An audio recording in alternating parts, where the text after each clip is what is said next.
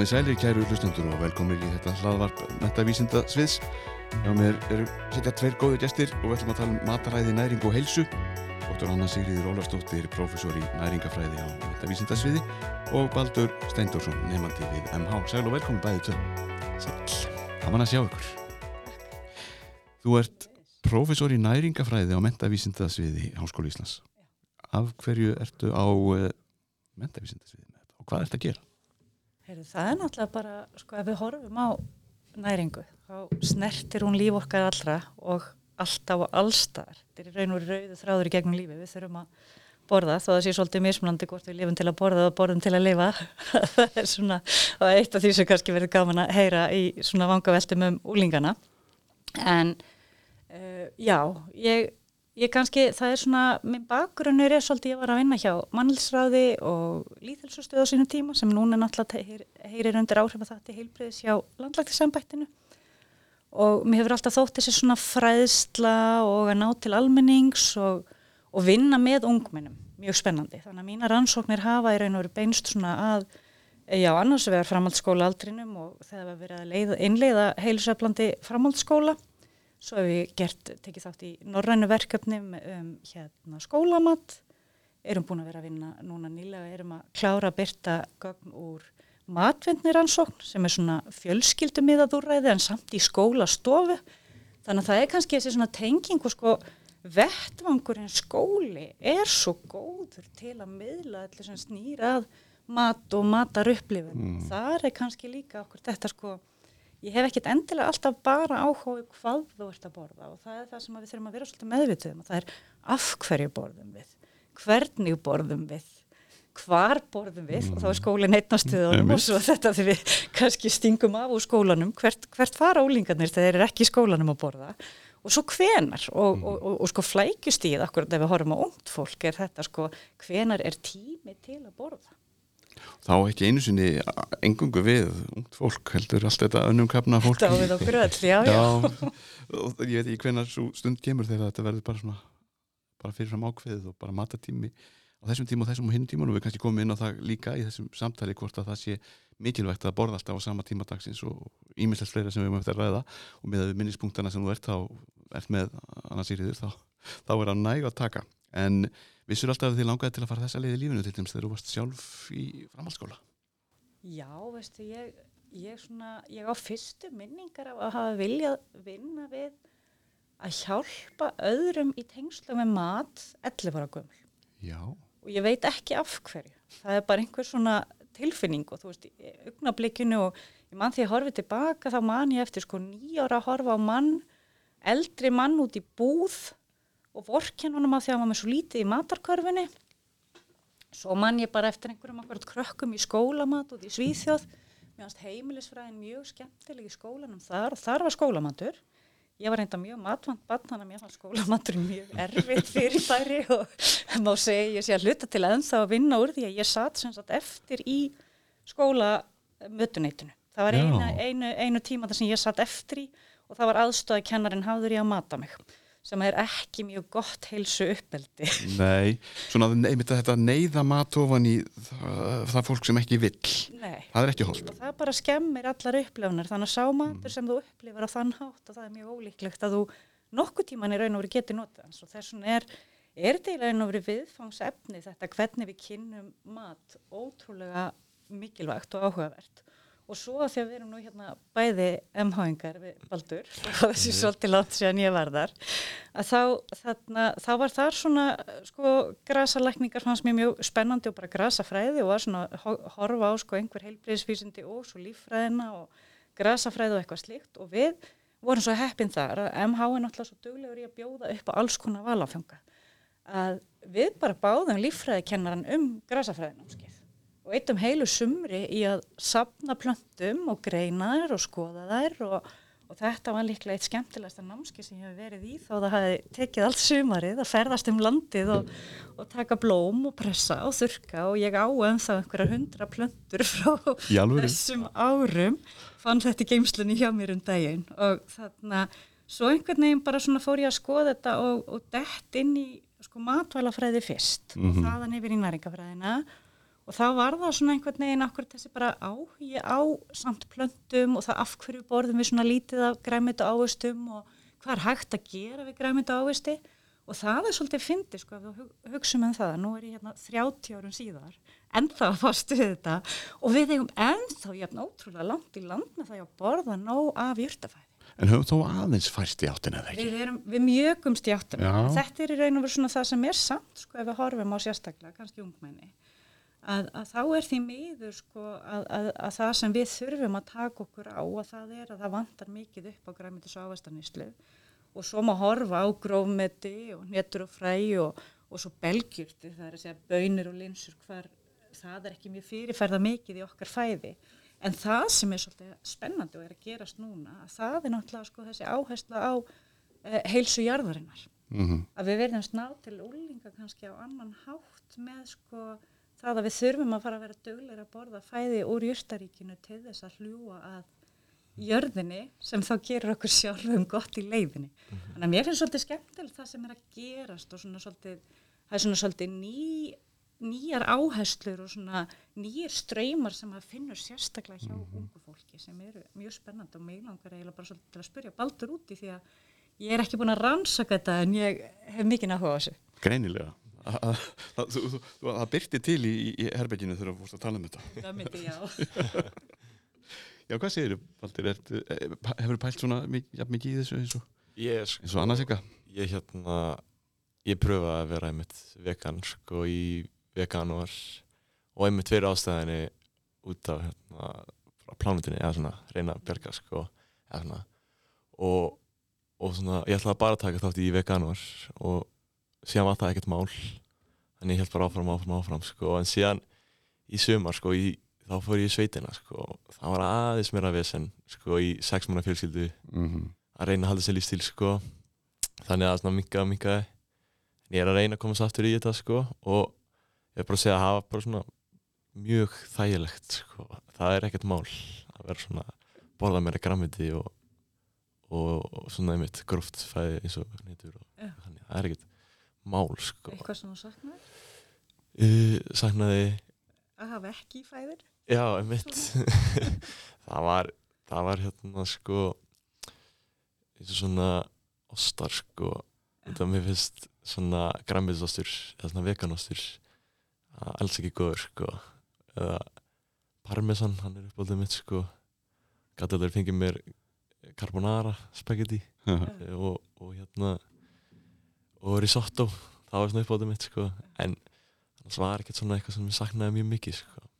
Því okay. það var orðið svo mikið af svona úrvali.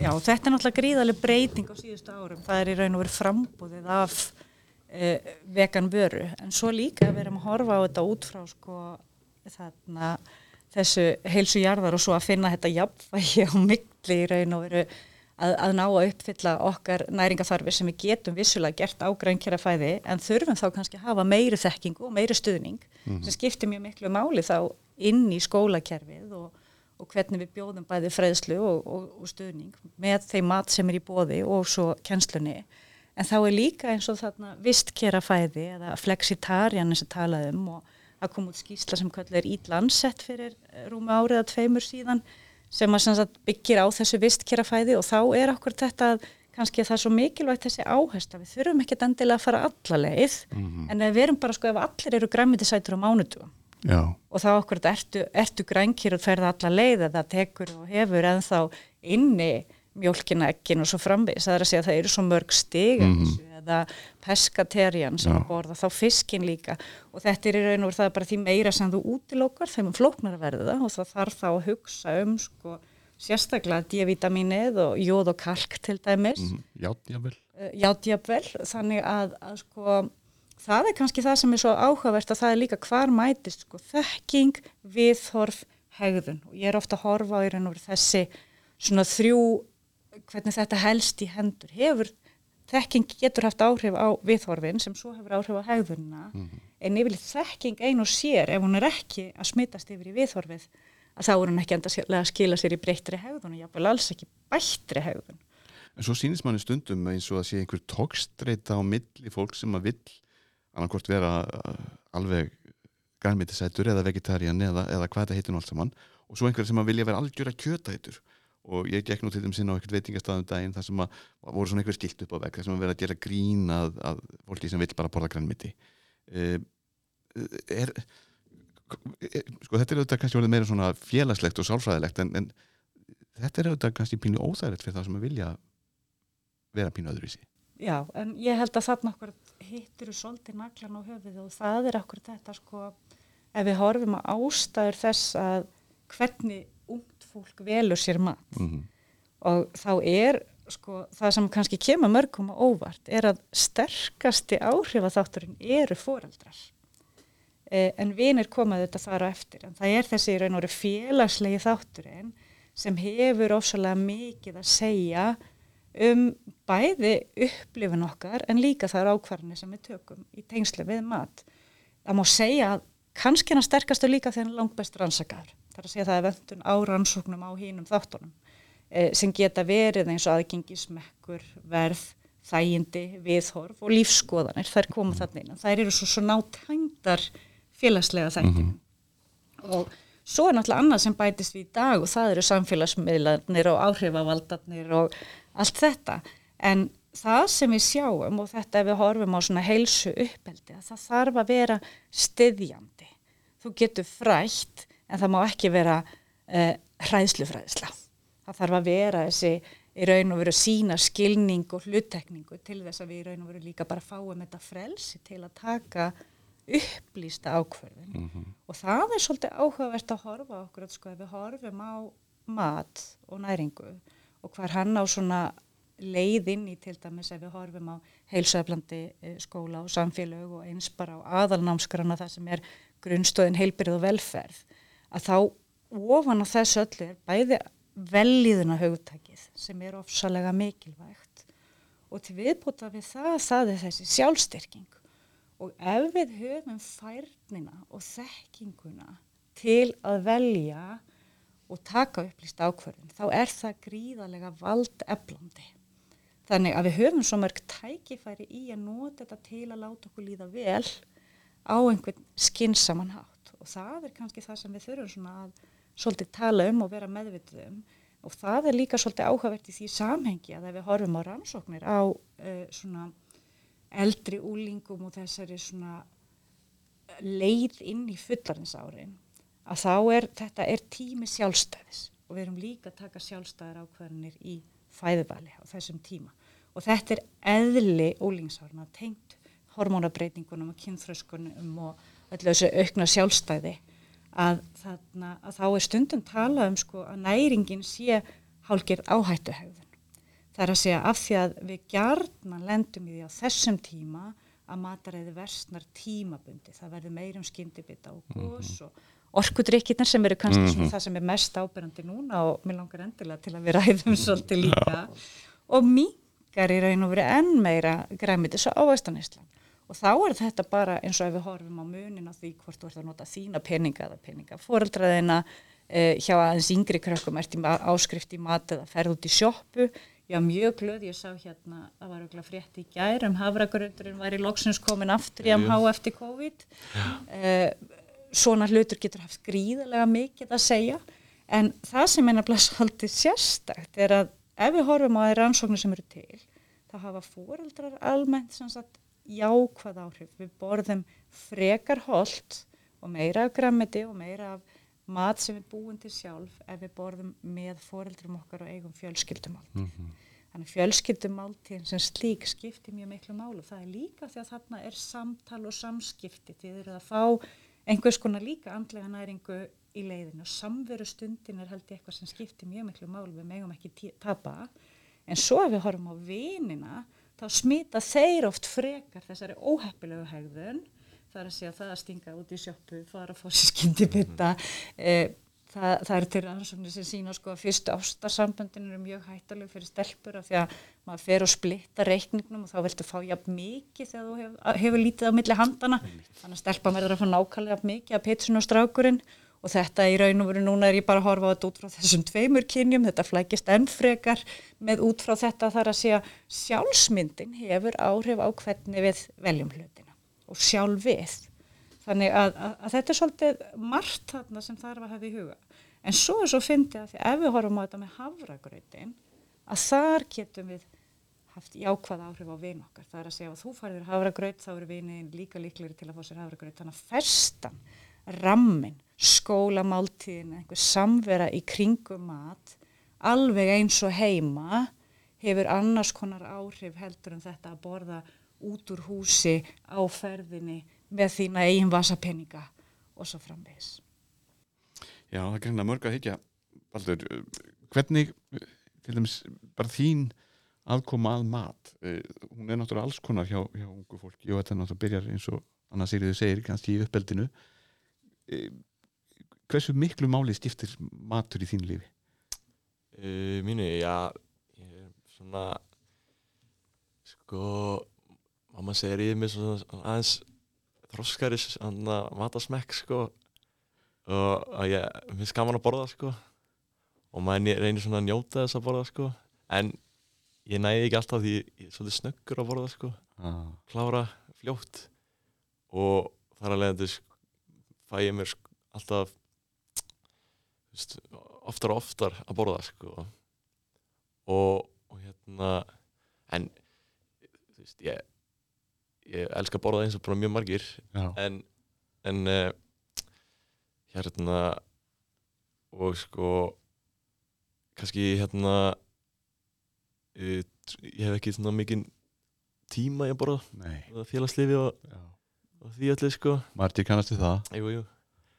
Ma, jú, maður reynir alltaf að borða eitthvað heita mat sko. Eins og þetta er tvisar En hvernig þá með til dæmis að vera að borða í félagskap með vinunum, með einhverjum svona úr, úr nærumhverfunu, er það öðruvísi? Eða er það öðruvísi upplifun heldur en að þeir eru bara að borða til að næra þig?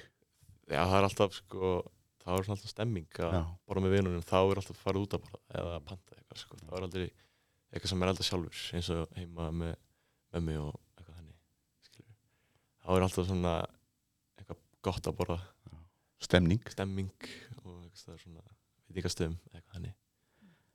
En mér fannst hann segja einmitt eitt svolítið áhugavert. Honum finnst, og einmitt það sem Baldur sagði, honum finnst gott að borða og borða kannski oftar að því honum finnst það svona gott og gera stundum á, á, á hraðferð.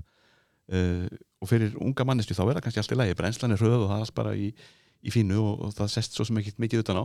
En svo fyrir maður eldast og kemst á þrítusaldurinn og talangjum þegar fertusaldurinn fyrir að nálgast að ef maður heldur sama taktinum í því hvernig maður næri sig getur það haft áhrif á hvernig manni, hvernig, hvernig manni líður, hvernig maður vinnur á matnum og hvort að já, þetta sem maður var kannski allt í lagi þegar maður var títur verður allt í einu bara óholt fyrir mann.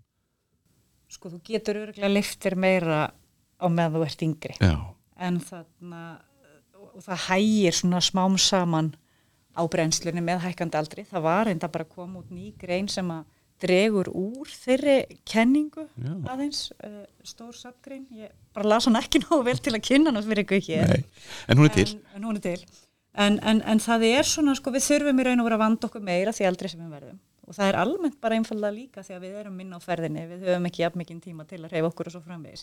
En tímapunkt, þessi tímafaktor er svolítið sorgleg staðreind í nútíma samfélagi, hvort sem við erum sko 20 eða 50, að þá, þá er þetta, við erum öll gefum okkur of lítinn tíma til að borða. Og þetta er einn af þeim þáttum sem við sjáum að hefur áhrif, það er að segja ef við horfum á nútíma samfélagið, við borðum hlutfarslega kannski, það er erfitt að mæla næringu, það er erfitt að mæla hvað við borðum mikið, sérstaklega þegar mikið af okkar aðferðum byggja á því að maður segja frá hvað maður var að gera. Mm og við getum annars við að tekja meðvitað ákverðunum að færa aðeins sannleikan og var bara að gleyma mér og hvað þá við erum á ferðinu og í flýti að gleypa ykkar eitthvað, eitthvað svona án þess að vera að hugsa um það. Og þá okkur svona uh, hugtak sem er náttúrulega vinsalt í dag, núvitundin. Hún á mjög mikið erindi til máltíðana og þess að nærast að, að við þurfum að hafa hugan við að borða. Það er öðruvís að borða þegar við gerum okkur grein fyrir því, setjumst niður, eigum stundina og þarna bræðlauka þjálfunin sem við erum búin að vera að vinna, Sigrun Þorstinsdóttir doktorsnemi hjá mér og svo teimi með okkur að þarna bæði af öðrum meistaranemum og, og, og, og svo þarna prófessorum og, fleirum að það sem að við hefum verið að gera, bræðlauka þjálfun þetta snýst ekki bara um bræðlaukana heldur í raun og veru að virkja öll skinn færin og það er alveg ótrúlegt hvað þú borðar á annan hátt ef þú hugsaður um það bara fyrst að snerta. Eða kannski fyrst að horfa. Mhm. ég vil ekki byrja mér nú að horfa sko. Já, já. og það er, finnum við verðum- ilminn. við finnum bara já og, og hérna munvitna byrjaði nú oft bara að flæða við að sjá eitthvað. Mm en þetta, sko, lyktin hljóðið, hversu margir gera sér grinn fyrir því að, að, að brak í ferskum ávexti er eitthvað sem gera þið langa til að býta aftur? Þetta því miður notar svo yðnaðurinn í eins og snakki að hljóðið sem þú heyrir þegar brak hljóðið verðist vera eitthvað sem við sækjum í að fá meira og meira af þannig að það er erfiðar að stoppa þegar við fáum hæfulegt brak. Og þarna og svo er þetta sem sagt e, í raun og voru að snerta annars vegar með hönd, höndunum og hins vegar með bara munninum. Það er að segja það er snertingin við tungun og góminn og allt þetta. Þetta er allt upplifun. Og það að gefa sér tími í þetta að það er bara eitthvað allt annað fyrirbæri heldur en að skópla upp sér matnum ná í raun og voru ekki að, tyggja hann og upplifa og fá bragðið og af því að bragðið líka náttúrulega kemur í gegnum nefið og, og lyktin er svo stór hluti af bragðinu, þetta hangir saman. Þannig að, að, að sko við missum af og við verðumst frekar borða yfir okkur og hafa verri settu stjórnun því hraðar sem við erum að borða. Það er oft talað um að við þurfum þessar um það byrjum 20 mínútur og þá ef við horfum á skólakerfið, hvort sem það er grunnaða framhaldsskólinn, þá er matartímanum gefin allt of lítill tími. Og Þannig oft í líka.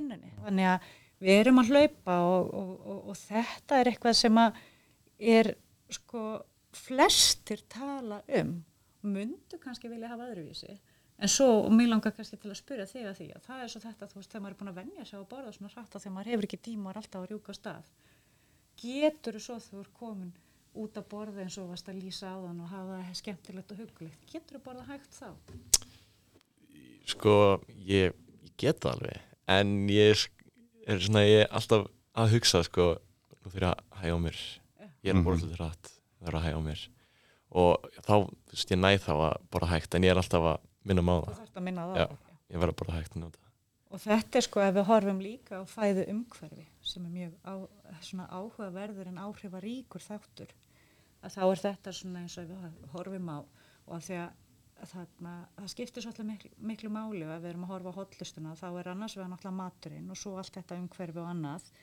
En í dag náttúrulega þá borðum við flest svona mikið unna matur og ef við horfum á skyndibita og annað sem er svona svolítið fjarrri frum vörunni að þá líka er í þeim yðnaði mjög mikið um þetta tryggjara eða kvata til að borða hratt og mikið. Og þá pantið er meira í rauninu þannig að við erum skærljós neanljós sem ger eitthvað allt annað heldur en að hafa dempað kertaljós. Já. er litir. Við borðum hraðar og meira í, í, í, í gul og rauðu. Já. getur hugsað um fullt af skyndibitastöðum sem nota þá liti Akkurat, og tónlistin og, á og svo bakvið. tónlistin Já, reynda að borða hægar en takturinn. Það er út. Nákvæmlega. Tal... þetta er svo ótrúlega margir þættir sem eru þannig og það var svolítið skemmtilegt. Við vorum með verkefni sem heiti Vivaljú Food á samt Matís. Mm og þetta er sagt, uh, unnið frá EIT sem er svona Evrópustyrkur. Gengur út á sagt, uh, þarna nýsköpun í tengslum við mat. Og þá vorum við með verkefni sem hétt að menta, virkja og styrkja neytendur framtæðirinnar og það voru tekin viðtöl við sem sagt háskólanema, unga háskólanema. Og þau spurðu út í þættir sem að þeim þætti mikilvægir í tengslum við matvæli og matvæla framleiðslu og svo var að tala við yðnaðin og svo voru þau leitt saman. Og svona stóru punktarnir sem kom út úr því sem okkur leiði mitt tilbaka þessu miklu áhuga á okkur hvert er unga fólki að fara í dag að það voru sko orð sem stóðu upp úr og komu aftur og aftur.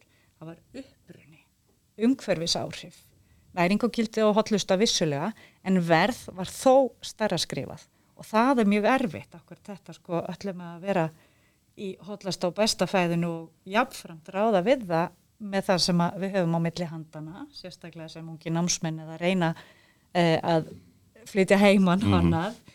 þægindi, gríðarlega mikilvæg líka en svo voru heiðarleiki réttar og skýrar upplýsingar og aðstæður við framleiðslu, bæði dýra og starfsfólks.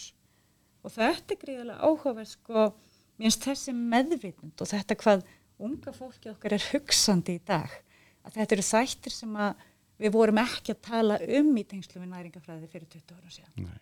Það var mikið breyst á þessum tíma. Það hefur mjög mikið breyst og það er kannski enginn ef við horfum á framhaldsskóla aldurinn og unga fullotna að það er svolítið erfitt sko rannsóknir eru fljótar að verða úreldar af því að það er alltaf eitthvað nýtt að gerast. Og þegar við vorum með heilsöflandi framhaldsskóla rannsóknina árum að sapna gögna frá 2010 til 2016 og ég horfði eiginlega á það að spurningalistarnir í tengslu við næringu voru eiginlega hvert skiptir sem ég fór aftur á stað og tveggjur að fresti hér um byrj úreldir.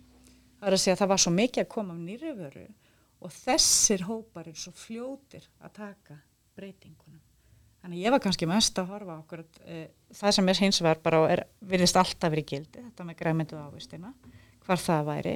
Og það er oft nota sem svona bara mæli stika eða þú ættir að taka bara og mæli eitthvað svona uh, smá tengt næringu, það ert að draga fram ákveðna þætti þegar oft í heilsöflingu þá erum við að reyna að horfa á svo marga þætti við getum ekki spurt út í eistu æsar um allt í mataræðinu. Þá eru græmyndu ávist að gefa svolítið vísbendingum um hotlustuna og svo er það hinnendin sem eru þá oftast hekið bara góðstrykkirnir er flóknar að halda reyður utanum til dæmis skyndibitana eða sælgetið.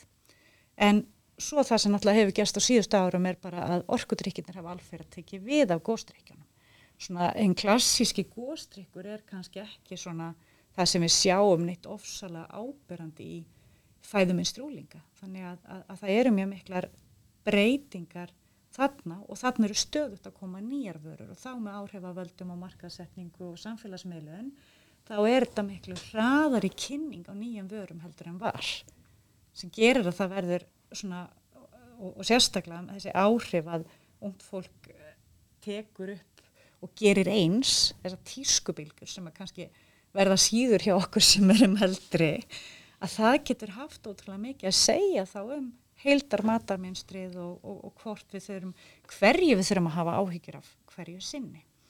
Og hérna, þá ég ætla nú ekki að eiga orðið hérna bara og tala í belg og byði, þá langar mér samt tengt þessu okkur að segja að það var bara að koma út grein núna eftir Þór Hallinga Haldósson sem er profesor í næringafræði inn á heilbyrjasvísindasviði á hópi annar íslenskra vísindamanna um koffein í orkudrykkjum og tengingu við lengt og gæði sveps hjá íslenskum ungmennum. Og þau voru sem það tóku, þetta eru frá 2020 eh, um 10.000, rúmlega 10.000 13-15 ára úlingar á Íslandi. Þannig að þetta næri yfir rífilega 80% barna á þessum aldri og þar kom í ljós að það voru í raun og verið helst þegar úlingar sem neittu orkudrykja sem fóru yfir hættumagn í magni koffeins. Það er að segja að þetta getur orðið hættulega mikið og það er ákveðin hópur þarna eða 12-14% þeirra sem að þarna í raun og veru er að fá of mikið koffein en þeir sem er ekki næta orkudrykja eru mun ólíklegri til að fá þetta hættulega mikla magn og það sem kemur þarna líka í ljós er að þessi hópur sefur mun minna mm -hmm. og það er tenging og fylgni við sem bæði stittir svepp og eiga erfiðar með að sopna hjá þessum hópi sem er að, að, að, að fá mikið magn koffeins. Og þetta er auðvitað alveg tilöfni til að hafa áhyggjur. Og hafa áhyggjur af í raun og veru bæði markasetningunni og vin, vinsældunum og þessu magni sem sömur ymbirða og, og, og koffin getur auðvitað haft neikvæð áhrif á taugakerfið, líka á hjart- og æðakerfið og helstu aukaverkandunar af ánægslunni geta verið hjásláttar að tröflanir, svepleysið og svo mögulega kvíði. Og kvíði er mjög mikið í umræðinu núna, við hefum heyrt það síðust ár mikið um, um kvíða vanda hjá ungu fólki. Þannig að þetta er bara eitthvað sem við verðum að, að, að taka í taumana, að það verður eitthvað að gerast og svo náttúrulega koffinnið líka fyrir ákveðin hóp mjög ávinnabindandi. Þannig að þegar þú ert byrjaður að nota drikkinu þá er mjög erfitt að hætta og því að ákveðin frákvæmsenginni þannig að, að, að þessi og þarna verist hafa orði mjög mikil aukning á stuttum trí, tíma. Þannig að, að ef svo þróun heldur áfram þá er líklegt að hlutfallið í raun og veru fari þeirra fjöldan sem fer yfir viðmennuðuna mörg og er að innbyrða hættulega mikið eða hugsanlega hættulega mikið af koffini e, þarna verði stærra vandamál í samfélaginu. Og þá má ennu aftur segja að við vitum í raun og veru ekki og þarna sagt, þau byggja þessi gögn, eða, nei upplýsingarna þess að byggja viðmiðuna mörgin uh, á gildum frá Evrósku matvæla öryggistofnunni og gildin eru miða við fullorðna. Það er ekki til nógu mikið að gögnum í raun og veru nákvæmlega hver hættumörkin líka fyrir börn þarna og, og þá þessa ungu fullorðnu. En, en þetta bara sínur það að, að, að það er gríðarlega mikilvægt að við séum vakandi þegar svona einhver trend eða einhver tísku sveiflur koma að það er ákveðin hópu sem getur verið mjög viðkvæmur sem er áhrif að gætnastur.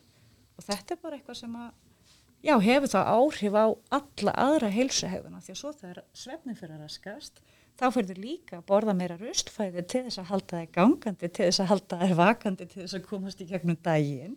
Og þetta við hjá okkur sem vinnum mm -hmm. mikið líka. Og þarna, þannig að þetta er svona sko, þú veist, þetta er ángi af einhverju skoðanum að horfa á eitt vandamál sem er sannlega vandamál en það býr til ennþá fleiri vandamál. Og það er búið að tala um þessa orkuðriki bara bísna lengi. Eða frá því að fóra að koma á markað uh, og þessi svona skadlega áhrif af, af þeim en uh, það verðist ekki draga úr neistlunni af þeim. Uh, er þetta að hluta til þessi hugsun þegar maður er ungur að, að ekkert bíti á manni svo sem og það sé alltaf leiði fyrir mig að drekka alltaf slatt af orkudrykk þó að það geti kannski verið óholt fyrir einhvern annan? Mænir þetta þannig helst í hug, hvað segir þú Baldur? Jú, eða ekki? Er, maður er ósýrandi sem að úlingur sko. það er alltaf þetta, þetta trefla mig ekkert sko. Nei það er bara einhverju aðri svona, einhverju væsklar sem ráða ekki við þetta eitthvað svona viðhór, er það ekki? Jú, miklu fekar en eitthvað annað sé ekkert annað sem myndi, þú veist e, vera ástæðan sko Nei. og þetta er, þetta, þetta er mikið neistlægt ekki er ekki meðaltalið alltaf hátt á, per dag fyrir, fyrir ungling svona á heildina litið þurfti ég bara þá að gefa nú skýrsla líka uh, hérna skýrsla um hérna áhættu mat sem að þarna, ég, ég kann ekki tölurnar utan að hvað þetta er stór hópur Nei. sem að er, er með þetta. Ég get nú bara reynda að hugsa það hérna meðan en, en hann er nógu stór til þess að það er áhyggjur að því. þetta er alveg tilöfni til að hafa áhyggjur og þetta hefur hækkað. Mm -hmm. já, og eins og ég segi, sko, þarna er verið að tala um að þarna að 12 til 14% þeirra sem að voru þarna yfir þessum örug þarna Eh, örugumörkum voru að taka neyta orkudrykja en nú er ég kannski eitthvað að ruggla já. Já, en það er kannski, tölur eru hvort það er ekkert skemmtilegt út Nei, tölur eru aldrei skemmtilega en þetta er allavega sko, já, við þurfum að vera vakandi fyrir þessu. Og, mm -hmm. og ég held að kannski þetta líka sko, eins og ég segi þetta með munstrið og þarna að við sjáum oftast helst munstur í hendur Þannig að við gerðum líka til dæmis rannsókn á hérna það sem við skoðum í heilsaflöndi framhalskólum. Við tókum alla lang, lang flestir í raun og veru af, af þeim sem tóku þátt hjá okkur. Þarna voru kjörþyngd og við ákveðum að skipta þeim í tvo hópa eftir í raun og holdafari innan kjörþyngdar. Ég vil ítreka það því ég horfa þetta, því að þannig erum við að horfa á þetta svona frá einhverju svona fræðilegu sjónamiði til að rína í gögn. Að það sem náttúrulega við erum að horfa á í því samhengi er í raun og úr að við viljum alltaf koma uh, að þeim bóðskap að það sem skipti máli umfram holdafar er alltaf heilbriðu lífstíl. Það er að segja uh, við getum verið hraust af öllum stærðum og gerðum en lífstílinn skipti máli. Og oft er í raun og úr fylgi fiskur lífstílsins er að við erum hraustari innan ákveðins hóps. Þannig að þú vilt hafa einsleitan hóp til þess að gera samanbörðin. En það sáum við þess að hópur sem að sem þá var miklu, þeir sem voru verð á sig komnir í kjörþingdar hópnum borðið sjálfnar morgunmat, sjálfnar græmiti, hreyfðu sig minna, eh, var ákveðin tilning til að þau tækju sjálfnar lísi eða aðra D-vitamingafa og algengar að þau svæfu lítið. Þannig ef ég myndi snjú þessu við, okkur þetta, hvaða fólk, hvaða ungmenni í framhalskólum eru best stött hafa í raun og veru bara er að leggja mest inn til framtíðar í að vera vera hraust. Að það er þá að borða morgum að borða vel af græmiti reyfa sig, taka lísið annan djevitangjafa og muna að sofa. Og þið sjáu þarna, þetta er hræfing næring svepp þetta helst alveg í hendur og yfirleitt erum við með í heilsu hegðun svona snjóbolta áhrif. Það eru til undantekningar en samt oftast er það þannig að sagt, eins og ein slæmu venja ítir undir aðra slæma venja eins og við vorum að tala um með svefleysi þegar þú allt ínum fyrir að borða skyndibita því þú ert svo sveflust til að keira þig áfram í gegnum daginn eða keira þig áfram á sigri að þá er það í þess átt líka að það er auðveldara í raun og veru um leið og eitthvað eitt er gott að gera fleiri góða hluti. Þannig að þetta eru munstur en þá má líka horfa á þetta alveg eins og með uh, þarna orkutrykkina að við erum líka að horfa á hópa einstaklinga af því að við söfnum okkur saman í vina hópa og annað og hegðun okkar smittar út frá sér. Þannig að ef við horfum á áhrifavalda og það að vera áhrifavaldar í bæði okkar eigin lífi og þeirra sem eru í kringum okkar að það er gríðarlega mikilvægt að við tökum þetta í raun og veru þetta að, að reyna að horfa á hildarmyndin og þetta snýst ekki um hver borða þú veist, hotlast eða mest af einhverju hotlu eða eitthvað ofurfæði eða það er alltaf verið að gera það að borða holt svo flókið. Mm -hmm. Þetta snýst um það að bara í raun og veru leggja akkurat ekkinni allar heilsu körfurnar og borða sitt lítið að hverju, vera oftast svona tiltulega skinsamur og akkur þetta ef þú bara passar að hafa pláss fyrir grænt og gróft á hverjum degi þá ert í ansi góðum málum. Já, lífið getur stundum verið flókið en við þurfum flækjum það stundum að óþörfu eins og segir. Já, ég. En uh, hjá mér sitja dr. Anna Sigriður Ólafsdóttir sem er prófessor í næringafræði á mentavísindasviði Háskóla Íslands og uh, Baldur Steindorsson nemi við MH. Við erum að ræða mataræði næring og heilsu eins og fólk hefur alveg orðið vart við. Þú nefndir eitt töfra orð áðan mjög snemma í samtalenu Anna Sigriður. Já. Það er orðið matvendni. Hva, sko, ef að við tökum þetta orð og, og, og greinum það þá þýðir þetta kannski bara það að, að vanda sig við hvað maður lætur ofan í sig. En orðið hefur samt á sig svona neikvæða ímynda þú sést nú að sé bara fólk sé óttalegi gittir eða borða nánast ekki bara hvað sem er hvern, hva, er þetta orðið notað einhvern veginn í, í, í, nær, í fræðunum? Já, og þá í fræðunum þá er þetta í raun og verið tvíþætt. Það er annars við erum svona að nýfælni eða ennsku fút nýofóbia sem er þessi svona eðlilega tegund matvendni sem er hluti af þroskaferðli okkar og er það yfirleitt á leikskólaaldrinum.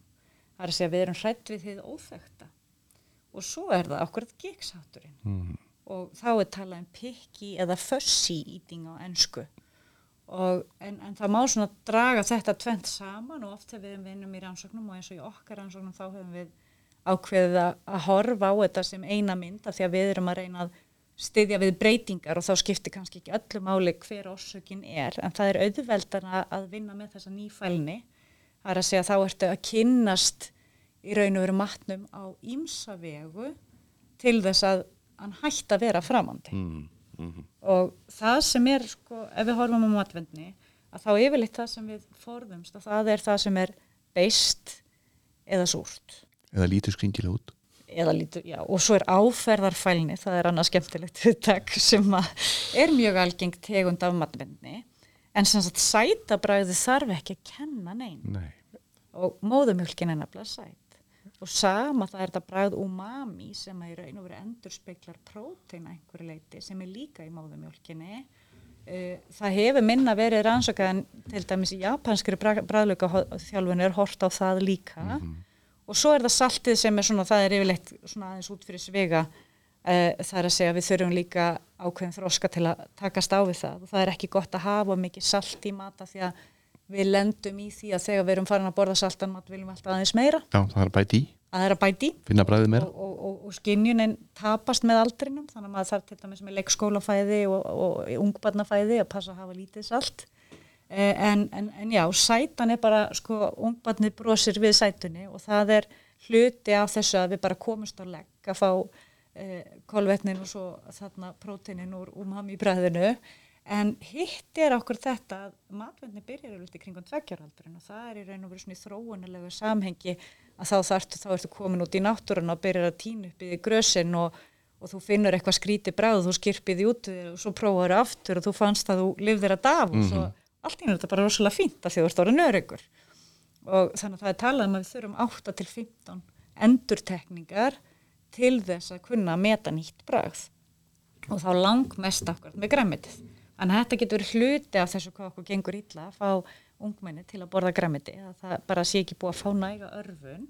Þetta hins vegar ásans að það hjáðna svona á grunnskólarunum eða upp úr sexar aldri en svo vaksa sumir ekkit upp úr þessu. Og við höfum verið að horfa á hópin sem sagt bætt með taugaþróskaraskanir einhverfu aðti hátja eða einhverfu rófi.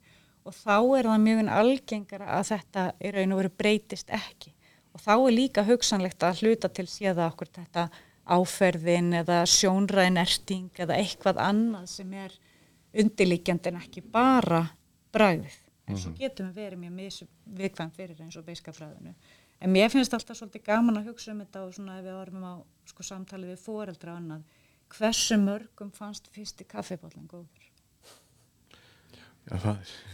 Hvað segir þú Baldur? Hvernig fannst þér fyrst í kaffibóllinni? Eða drekkur þú kannski ekki kaffi? Ég, ég, ég drekk kaffi sko en það tók tíma til að venja sko Já. og maður svona, fyrsti var ekkert eitthvað sérstakur sko og svo er maður svo lengi að drekka hann sko að það væri kaldur og þá var það lendið verri en núna næ ég alveg að drekka þetta bara vennilega.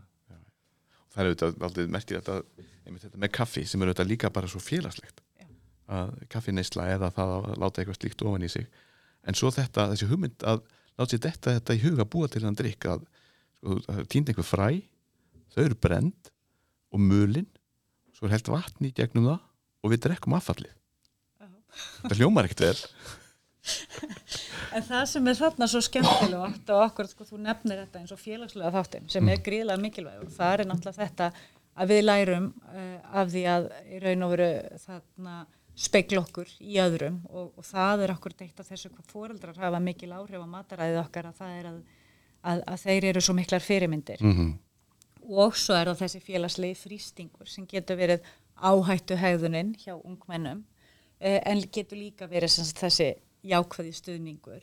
En það að okkur langar og við erum ef við horfum á ungmenni þá erum við alltaf að sækjast eftir einhverju normi og falla í einhvern hóp myndum þessar, þessa hópa Þannig að kaffið að við venjumst því getur að hluta til verið einhvers konar hópþrýstingur og félagslegu þáttur en hittir ákveðat með beskjubræði þá oft fer það frá því að vera eitthvað sem okkur finnst rosalega erfitt og ofsalega fótt yfir í að vera svo eins og er með kaffið hjá mörgum að þú bara getur ekki byrja að degina á þess og þú hlakkar til að finna þetta bræð og mm. þetta verði að bleita besta bræð sem þú veist og oft er einhvern veginn þetta svona allt sem er svolítið krefjandi að, að um leiðu er búin að læra það að þá, þá er það einhvern veginn eitthvað sem að svo verður órjúvanlegu hluti af, af þínu mataminstri og það má nefni þessu til samhengi líka til dæmis ólífur og þú sittur á spáni og þær eru rosa góðar. Af því að þú bara verður, þær, þær eru hérna fyrir framann þig í lítilli skála meðan þú býður til matnum og það líður og býður og aldrei kemur maturinn og þú ert orðin gargandi svangur og þú smakkar eina og hún er ekki góð en svo ertu á spáni viku Þannig að þú ert búin að fá lífa hverjum degi og þegar þú ferð heim þá tekur þú með þig krukku því að þetta eru hlýjar og goða minningar af jákvæðri upplifin og fríin. En hins vegar þú borðaður undir streytu áhrifum það sem einhver var að þvinga þig til að, borða þetta og, og þér leiði ekki vel að þá myndur líklega ekki taka með þig krukku heim. Sennileg ekki, neittur til að svara einhvern spurningum undir þrýstingi á, á landamærastöðinni og tróðið í ólífum á meðan. Það, ver, það er ekki góð minning en við þurfum kannski að koma betur inn á þetta og eftir. En, en einmitt þetta með matvendina Baldur uh, myndir þú til dæmis líta á þig og viniðina ég vil hópin í kring sem matvanda er eitthvað sem er til dæmis alveg bara úti hjá, hjá ungu fólki nú til dags sem bara enginn vil borða? Gellur til dæmis eða? Já, sko það var alltaf svona þegar ég var í grunnskóla það var alltaf saltaður fiskur sko. Það var algjört við bjóður eitthvað svona, enginn vildi það. En sko, núna þegar maður fær sér salta fisk þá kann maður að borða sko, mm. og, og bara borða með rétti sko, aðferð. Einmitt, og hann var rétt, kannski eitthvað sem passar vel með sem með þetta þegar maður borða það staffuð saman um tómósósu í grunnskóla og kannski ekki eitthvað svona best í heimi en, en, uh, en ekkert endilega eitthvað mikil matvendi sko svona hjá mér eða vinnum mínum eitthvað svona sem maður tökur virkilega mikið eftir. Nei. það er bara já sem við finnst þetta er ekki gott og þetta það er ekki eitthvað svona sérstakt sem bara í snert ekki sko. Nei, bara alls konar smekkur þetta líka. Já, smekk saturði og sumt er þetta áunnið, er það ekki annars íður eins og það segða nú með ólífurnar þetta er svona já. góðum dæmisaga. Eh, aðrir, annar matur svona við förum út í þá sálma eins og sushi til dæmis sem Íslandikar þekktu ekkert fyrir kannski 20 árum. Uh, nú er þetta herramannsmatur á borðum margra og fólk getur ekki beðið allar vikuna eftir að fara í súsíveislinu sína á fyrstu degi uh, og þá komum við kannski öðru sem ég, sem ég hef svolítið notað til gamans aðalega þegar ég vil ekki borða eitthvað mat. Ég á alveg til að vera matfandur, ég viðkenni það. Það er það sem ég kalla tiggfílingur hvernig þetta er sko upp í manni, hvernig áferðin er og, sem að getur verið alveg hræðilegt. Sumt er bara slepjulegt og, eða eitthvað í þessu sem er bara ekkert kræsilegt ég vil þó að bræði þessi allt í lei mm -hmm. þannig að það er alls konar hluti sem valda það geta verið margar og, og það er okkur kannski mikilvægt líka að hafa í huga sko, að matvendni þarf ekki að vera vandamál og það er ekkert mál að þú bara sko vilt ekki borða tvo eða þrjá hluti. En um leiðu þetta farið að vera útilokandi, þú borðar ekki heilu fæðu flokkana. Um, við erum með hópa sem eru það viðkvæmir að þeir vilja jafnvel það að tala um svo kallar white food syndrome og þá sérstaklega til dæmis í tengstum einhverju rósara skandnar það sem þú vilt bara mat sem hefur engin ertandi áhrif. Þannig að það er hann er litlaus, bræðlítill allur eiginlega svona beis hvít grár. Og, og þá farði í raun og verið þú veist, þú ert að losna við að fá of mikla örfun mm -hmm. uh, þá verður þetta gríðarlega einhafur matur og gefur auga leið og það er ekkert græmund ávistir til dæmis í slíkum uh, mat Þannig að við í raun og veru þetta bjóða upp á einhvers konar meðferðarúræði fyrir fjölskyldur. Það er annars vegar þetta þegar mataræðið er bara einfallega orðið einhæft þannig að þetta gæti valdið næringarskorti en svo eru tveir aðri þættir í þessu samhengi sem skipta svo miklu máli. Það er okkur þessi félagslegi þáttur um leið og þú ert farin að vera mjög takkmarkaður í fæðuvali þá hefur það hugsanlega áhrif á þína félagslegu upplifun og félagslegu svona styrkingu það er að segja við að við horfum á bara hvað matur er mikilvægur í segjum viðskiptarlífinu mm -hmm. það að þú sést að fara út að borða sem fullurinn einstaklingur eða í mötuneitinu allstar og þá af því að matur tengir fólk að þá, þá er ákveðin styrkleiki að geta að minnstakosti borðað flestar tegundir þó maður kannski ít einhverju til hliðar mm -hmm. að þá þetta ef þú ert farin að útiloka mjög mikið af matnum og getur ekki borðað með öðrum þá er það orðið mjög flókið og þannig að, að við erum að horfa á það og svo erum við að horfa á hennar sko kvíða og streitu sem fylgir fyrir foreldra þeir eru með börn sem ekkit vilja eða allir vilja sikkvot matinn og þetta er bara óyfirstíganlega flókið að eiga sameila kvöldmáltíð. Marti fóreldrar kannast einmitt við þetta og þessar tókstreitu sem myndast og það eins og segir myndast jáfnvel kvíði fyrir kvöldmatnum og, og jáfnvel að koma upp einhver bara leiðindi við mataborðið að því að einhver vill ekki borða þetta og annar vill ekki hitt og, og, og svo kemur þetta, já, ef þú borða þetta ekki þá farið engan mat. Og það er framöttu gott þetta er, þetta er flókið. Þetta er flókið og þetta skiptir mjög miklu máli. Enn og aftur þetta upp á þessar sko að fá jákvæðnar upplifanir og styrkingu en ekki ekki það að þú upplifir sko barni farið að kvíða því að það veri skammað og fá jáfnvel ekki að borða og þetta er orðið einhver svona orðið að streytu stað þannig að við höfum verið að horfa og leggja miklu áherslu á sko matarborðið er vinin okkar. Það er staður en það sem við eigum að koma saman og eiga góða stund og eiga samtal og eitt hugtak sem að mér er svolítið hugleiki í þessu samhengi að það er það okkur að, að tala um commensality eða þessi svona okkur að einingin við mataborð og það er talað um að þetta sé eitthvað sem hefur horfið á síðustu árum og áratugum og sérstaklega það við horfum til e, þarna vestrætni þjóða en þó líka sagt, meira í bandaríkjunum heldur en í Evrópu. Og það er aðeins í rannsóknum samanbörður á millilanda og að þetta svona stiður við þar sé að þetta bæði stiður við heilsu haugðun og það að við borðum fjölbreytara af því að við borðum saman.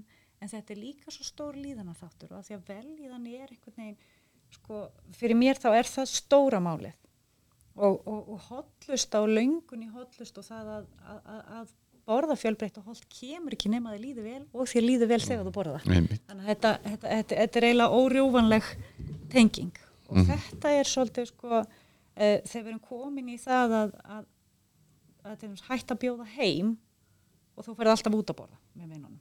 Og allir er að panta sikk hvort að matselinu, fólk mm. er ekki að borða það sama.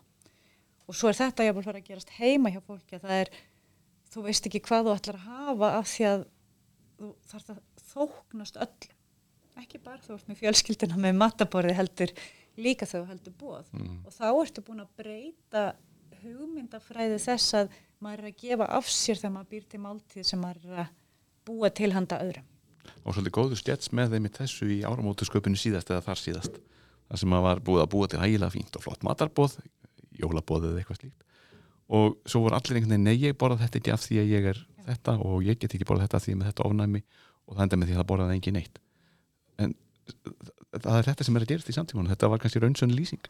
Er, já, og þetta er sem, þetta, þarna, sko, það sem er svo skemmtilegt við næringafræðin, eða ef maður horfar á næringarhægðina, er að allt þetta sem ég er að vinna, þetta er gríðalega þverfaglegt og þarna mikið af þessu okkur, það sem ég veit bara brota brot, en ég vinn til dæmis mikið með þarna sálfræðingum eh, við erum í okkar teimi líka barnalækni í mörgum af þessum erlendur teimum, bæði sem við vinnum með og þegar maður fer að ráðstöfnur þá eru líka mannfræðingar, félagsfræðingar, eh, allir mögulegir hópar og svo náttúrulega vinn ég heil mikið með líka eins og þarna íþróttahelsufræðingum og eh, þarna félagsráðgjöfum og, og, og læknum og öðrum.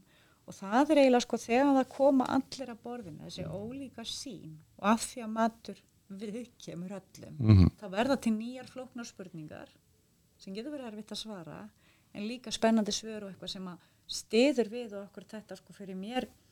Að þau uppálega hef ég náttúrulega áhuga á næringu svona út frá heilsu. Það er kannski svona fókusin sem var á næringu líka þegar ég byrja að læra næringafræðina og þetta skiptir mjög miklu máli. En, en sko við náum ekki öllum með á lestina í að reyna að selja þér heilsu. Sérstaklega ekki unga fólkinu sem ekkert kemur fyrir. Þessum um ódrepandi. þannig um leið og við erum komin með fleiri í raun og veru vinkla fleiri orð, fleiri viðfangsefni.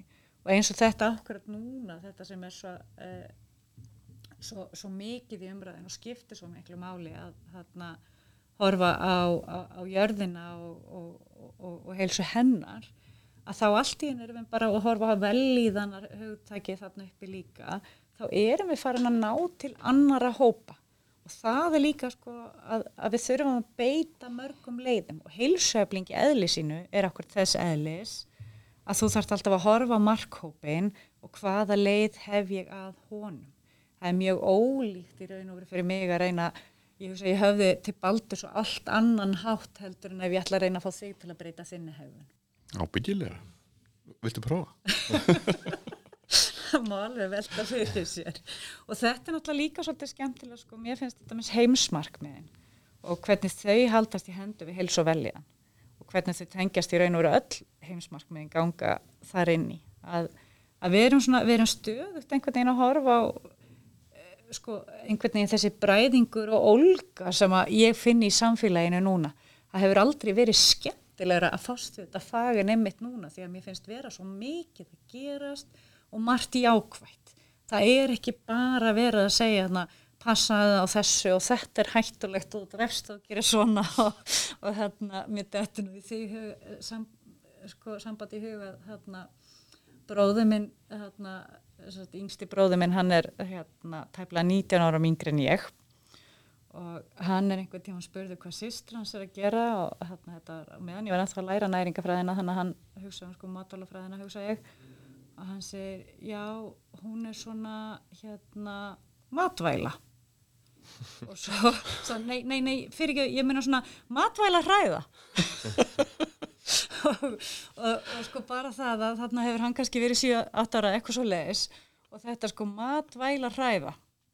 Eða matvæla, væla um mat, hræða fólk. Eh, ég held að það sé svolítið ímyndin sem, sem var á mínu fæi og þarna og það skipti mjög miklu máli. Ég held að það séu allir mjög meðvitaður um það í dag að, að hotlista gengur ekki út á að hræða fólk. Og við náum ekki fram breytingum með, með, með í raun og veru því að, að, að slá fram alltaf einhverjum neikvæðum fyrirsögnum sem, sem því miður vil stundum verða eins og í fréttum og öðru að það er áhugaverðar að tala um vandamálin heldur en lausnirnar en það eru þessi jákvæðni gleru og lausna með að nálgunin sem að sem að mér er mjög hugleikin og, og, og svona ræður í öllum þeim verkefnum sem ég hef tekið mig fyrir hendur. En nú ert þú hérna svolítið fulltrúi unga fólksins, Baldur. Er mikið talað um mat? Eru krakkar á þínum aldrei eitthvað mikið að spá í þetta eða er þetta bara svona hluti að því bara að vera til? Hvernig, hvernig, hvernig, hvernig við þorfið? Það er nú, já, það er alltaf sko fleiri, fleiri að spá í grammitið sko, vera grammitisætur eða vegan. það er svona örgulega helsti svona sem við fjallað um sko, að tala um en er tekist á til dæmis einhver sem vill bara vera kjötætt eða einhver sem vill bara vera vegan og, og það vera, sko, fólk er alltaf að rökraða er, er, er, verða svona samræður til í þínu vinahóp? Þetta er oftast bara svona þú bara virðir bara vegan eða græmitisætan virðir kjötætuna Mhm. kjötætan virðir græmitisætuna þá er þetta ekkert mál en bara þú veist, maður fræði þessum annarkvort og þetta kannski segja jákvæði kostin og neikvæði ekkert eitthvað endilega rífast mikið eða vera til eitthvað annað sko. það er bara svona virðingin sko, gegn e, svona ákvörun þeirra og matvæli sko. Það- þetta er náttúrulega trubla mann ekkert eitthvað svona. Hvað, hvað þú borður og þannig þannig það er nú alveg bara það sem svona talað um sko þegar það kemur á mat. E, svona grammitið og grammisætana þannig það, mér finnst þetta mjög skemmtilegt og því að þú segir sko græmmitið og svo græmmitisætan af því að það er alveg hægt að vera græmmitisæta sem aldrei borða græmmiti Já. og það er, ég man alltaf eftir fyrstu græmmitisætunum sem ég kynntist að hafa penna vinkona mín og sem að jæna, hún livði svona hér um beila á sannsagt fransbröði með þá jurta, smjör, líki og sultu. Já, það var grænmyndis Það var græmmitisfæði. Já. Eh, Þannig að, sko, eða þú veist, jurtafæði. Þannig að, að, að sko, það má líka hugsa um okkur, margt af þessu er hugmyndafræði. Og hugmyndafræðin þarf ekki endilega eða lífskoðun að skila sér í hotlustu. Það er mjög auðvelt að setja sama sem er ekki bara grænkeri heilsusamlegt Mhm. eða okkur vistkeri heilsusamlegt fæði. En við þurfum innan hvers einasta hóps er líka mjög mikil breytt og það er kannski ekki nógu mikið rannsakað en þannig að það er ekki hægt að velja sér bara svona sem sagt, ákveðina leið og vera þar með örugur og segja bara ok, ég passa að ég ætla að fara í grænkerafæði hotlustana vegna heldur snýsta um eitthvað allt annað í raun og veru grunn hugmyndafræðin en með, hins vegar er það ofta ágætt leið til þess að örfa sig í því að huga, hugsa svolítið líka mi- mikið um matinn. Og það er held ég sko stóri hlutin er kannski þetta að ungt fólk í dag leggur meiri hugsun í hvað það lætur upp í sig og um leið og við fyrir að hugsa svolítið þá kannski fyrir við líka að gefa okkur meiri tíma. Neyðumst til þess. Og það er svolítið jákvætt. Ég held bara þetta að, að sko að hafa hugan við matinn.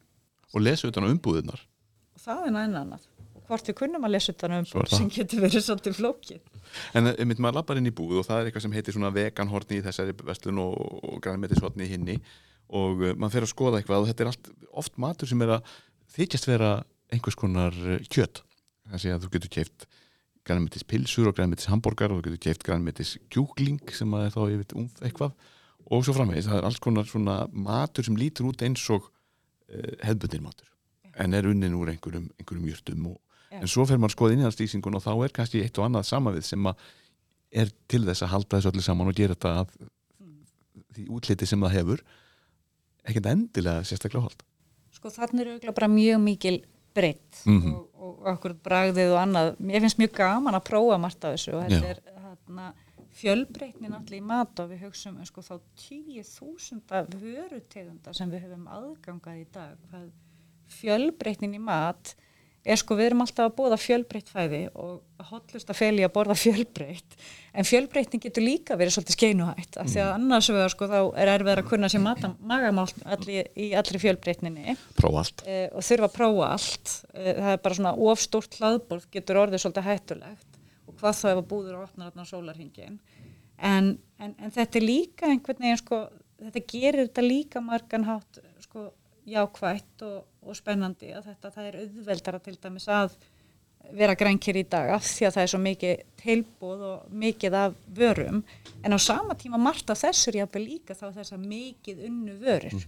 Og í dag höfum við kannski mest áhyggjur af ef við erum að horfa á sko með tilliti til heilsu að það er að við þurfum að fækka mikið unnum vörum úr fæðinu hjá okkur. Hyperprocessed foods er talað um það var svona til skams tíma allir bara að leita sigrinum Mhm. í innhaldsumlýsingum en það er, sko sigurinn er bara eitt af þessu, við erum líka að tala um þú veist, viðbætta fytu út í eins og viðbætti sigurinn, það er allir þessar viðbætur og breytingar, allir efnir sem koma. Mikið af salti. Saltið er í raun og veru ef við horfum á heilsufars spillandi áhrif að þá er það gríðalega hættulegt og, og enn hættulegur en sigurinn í raun og veru að því ég ætla að vera matvæla að hræða í smástund. Já, En- þú verður að vera það smástund. En, en þannig að sko þetta snýst svolítið um sko þú byrjar þarna að tala um okkur þetta. Ég ætla að prófa, bara græmyndisvæði þá fer ég og lesa þessar umbúðir. Mest af græmyndisvæðinu væri mitt umbúðar lausu vörurnar sem að eru eins og að koma frá náttúrunar hendi. Þarna ættur að vera komin inn í græmyndisteldina og svo er náttúrulega enn og aftur ef við horfum á umhverfis þætti að þá er þetta með mikið af umbúðum og mikið magna af óþarfa umbúðum og annað það að við þyrftum að geta nálgast víðar fæði það sem við jafnvel komum okkar eigin umbúðir að getum nota marknota og, og verið umhverfisvætni í því samhengi. Það er oft skiptir umbúðir utan um umbúðir sko, að- já. já. Þannig að skiptir máli hvaða mat við erum að velja, það skiptir máli hvernig honum er pakkað inn og svo náttúrulega er enn annað og það kannski líka eitthvað svona sem snýr á skólunum og skólamatnum sem við höfum síðan rannsóknum okkar í grunnskólunum að það er hversu mikið fer til spillist, það er að segja sóunin, matar sóunin og, og það að við erum með mötuneytis mat að þá því miður að þá endar mjög mikið af græmitinu en líka kartablumöðru og okkur djúrtafæðinu í ruslinu. Og það er náttúrulega sko, það er engin matur hollur sem endar í tunnunni Engum hollur. Engum hollur, þannig að þetta er, það er líka áhugjefni þar að svo og, og þá kemur ennanað sem að þarna við höfum verið að horfa svolítið á og það er færni og það kom okkur fram í þessu e, þarna samtali við þessa ungu fullotnu þar sem þessu ég þyrti meiri stuðning í hvernig ég býti matin það er að segja ég fer kannski og kaupi segjum bara dæmi bygg eða eitthvað. Hvernig síði ég byggið, hvað get ég notað það í ég er búin að sjóða einna stóran skamt ég þurfti miklu minna, hvað ætla ég að gera við restina, veist, alls konar svona hlutir og bara þannig að, að fæðu færni hráefna þekking þetta eru þættir sem eru svolítið að skortnum skamti og svo náttúrulega í þessu ofurraða samfélagi sem við búum í það er tíminn til þess að geta útbúið sér virkilega hotla og góða máltíð. Já, hann skortur oft og, og það er þessi, þessi tími frá því að fólk, fullanda fólk í tímur heim úr vinnunni og það þarf að, ég að koma við í búðinni á leiðinni heim og, og eða sinna einhverjum erindum og svo er þarf að, að byrja að undirbúa kvöldmattinn og svo er, eh, skóplar fólk konum í sig á, á 20 mínútum og, og svo fara allir, jafnvel eh, borðan ekki saman heldur hver bara í sínu herbyggja einhvern veginn. Þetta er eitthvað sem er svona samfélagslegt og þyrfti kannski að vel að breyta að gefa fólki meira tækifæri til þess að njóta matargerðarinnar og, og neist matarins og, og jafnvel tíma svo eftir þegar er kannski verið að ganga frá diskonum og, og, og tala saman. Spurning hverju og fólk. Það er það. Það fyrir að stýttast í þessu hjá okkur. Anna Sigriður Ólafsdóttir uh, mat, uh, professor í næringafræði og matvæla ræða já, það matar gat og matagat, við erum nú gaman að tala um mat líka. Og Baldur Steindorsson nefnatið MH eitthvað svona í blálókin sem við viljum senda fólk með í, í hugun inn í, inn í kvöldið að daginn þegar fólk er að hlusta á okkur í þessu hlaðvarpi þurfum ekki að láta Baldur verða áhrifavald fyrir jafnaldarana Hva, hvað vilt þú senda út í kosmosið Sko, tja, það er, þú segir að sko að borða holt er ekkert endilega að borða hollan mat eða svona grænmyndi, eða, það er náttúrulega partur af það en að borða réttum tíma og borða hægt og borða hratt. Ég er bara að spá sko, þetta með eitthvað svona leiðir sko, til að hjálpa mann að borða hægt eða borða réttum tíma og svona gefa sér tími í þetta, eitthvað svona ráði eða einhvað svona, þess að hjálpa mér að melta mat og, og njóta hans. Ég held að þarna komur með alveg efni í heilan þátti við bór þá veitum við hvað við erum að gera í næstu viku Já, og það er akkur þetta sko, við þurfum styðjandi umhverfið og, umhverfið er, það er stefnumótunin sem stjórnvöldna þegar eru kostingar á morgun. Stefnumótun stjórnvölda getur haft rosalega mikið að segja því að bara skattlagning og aðgengi og allt slíkt að, að, að gera sko hotlavalið einfaldara og flókna flækja fyrir okkur að draga úr aðgengi og, og, og, og þarna sínileika óhóllustu getur skipt máli. Og það er til dæmis ef við horfum á skólana veist, hvað er frambóðið, hversu langt þarf þetta að ferðast til þess að nálgast matinn? Hvað er þið gefin langur matartími í skólanum?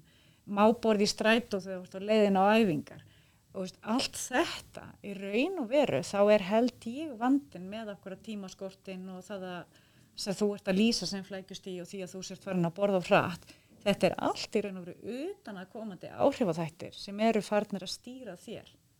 En ekki það að þú þurfir að taka ákvörðum nú ætla ég að borða hægt. Því þá bara missar að þetta hínum sem er að gerast.